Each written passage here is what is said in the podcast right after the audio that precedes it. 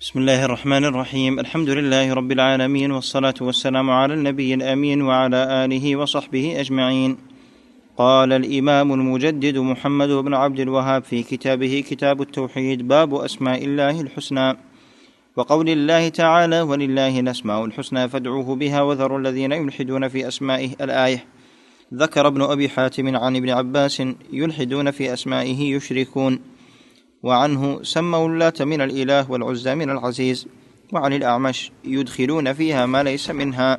بسم الله الرحمن الرحيم. الحمد لله رب العالمين وصلى الله وسلم وبارك على نبينا محمد وعلى آله وأصحابه أجمعين. ذكر المؤلف رحمه الله تعالى هذا الباب باب قول الله تعالى ولله الأسماء الحسنى فادعوا بها وذروا الذين يلحدون في أسمائه.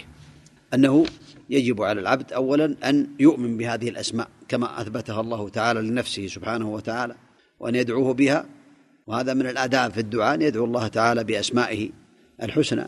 إذا كان يريد الرزق يقول يا رزاق ارزقني الرحمة يا رحمن ارحمني العافية يا عفو عفو عني وهكذا يسأل الله تعالى بالأسماء.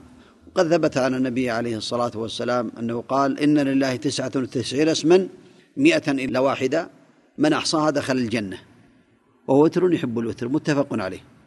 لا شك أن الأسماء الحسنى لا تحصر بتسعة وتسعين تكون أكثر من ذلك ولكن منها تسعة وتسعين من أحصاها دخل الجنة.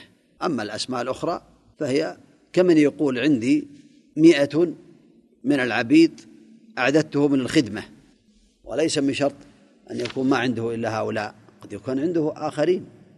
ولا فقد ثبت عن النبي عليه الصلاة والسلام أنه قال في الدعاء أسألك بكل اسم هو لك سميت به نفسك أو أنزلته في كتابك أو علمته أحدا من خلقك أو استأثرت به علم الغيب عندك. الذل على الله أسماء أكثر من تسعة وتسعين لكن منها من هذه الأسماء تسعة وتسعين. من أحصاها دخل الجنة. والإلحاد في أسماء الله تعالى هو الميل بها عن الحق إما بجحودها وإنكارها وإما بجحد معانيها وتعطيلها وإما بتحريفها عن الصواب وتأويلها. فلا شك أن العبد يجب عليه أن يثبت الأسماء كما أثبتها أهل السنة.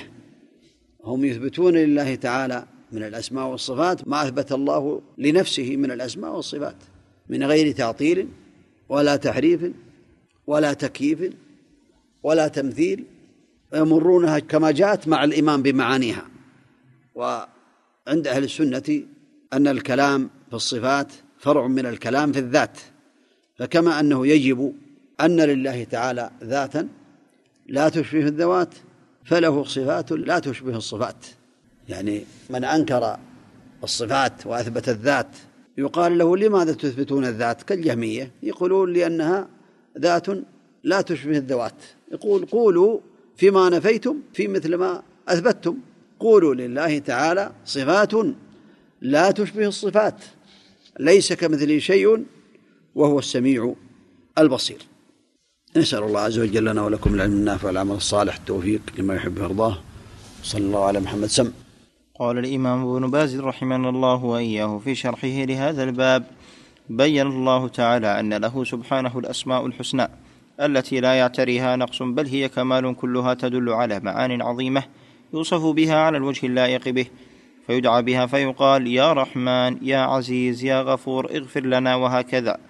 والإلحاد في أسمائه الميل عن الحق والإشراك فيها مع الله كمن جعل لغير الله شيئا من العبادة فقد أشرك فيها مع الله غيره وجعلها إلها.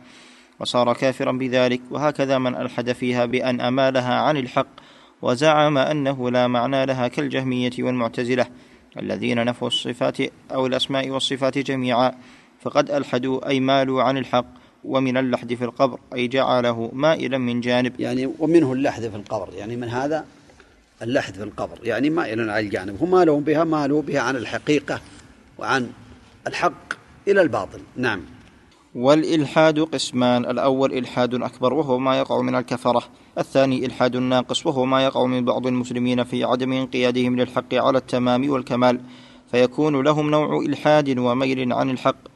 فيفوتهم من الإيمان والإسلام بقدر ذلك. قال الأعمش يدخلون فيها ما ليس منها هذا نوع من الإلحاد أن يسمى الله بأسماء ما أنزل بها من سلطان فهي نوع من الإلحاد أي نوع من الباطل. وكذلك قول بعضهم في اللات من الإله والعزى من العزيز فهذا نوع من الإلحاد. يعني هذا المشركون نعم. وكذلك الوقوع في المعاصي نوع من الإلحاد لكنه أصغر. يعني الميل عن الحق إلى الباطل هذا نوع من الإلحاد نعم. ومن جحد الله أو أشرك معه فهو إلحاد أكبر. نسأل الله عز وجل ولكم العفو والعافية في الدنيا والآخرة. صلى الله وسلم وبارك على نبينا محمد وعلى آله وأصحابه أجمعين.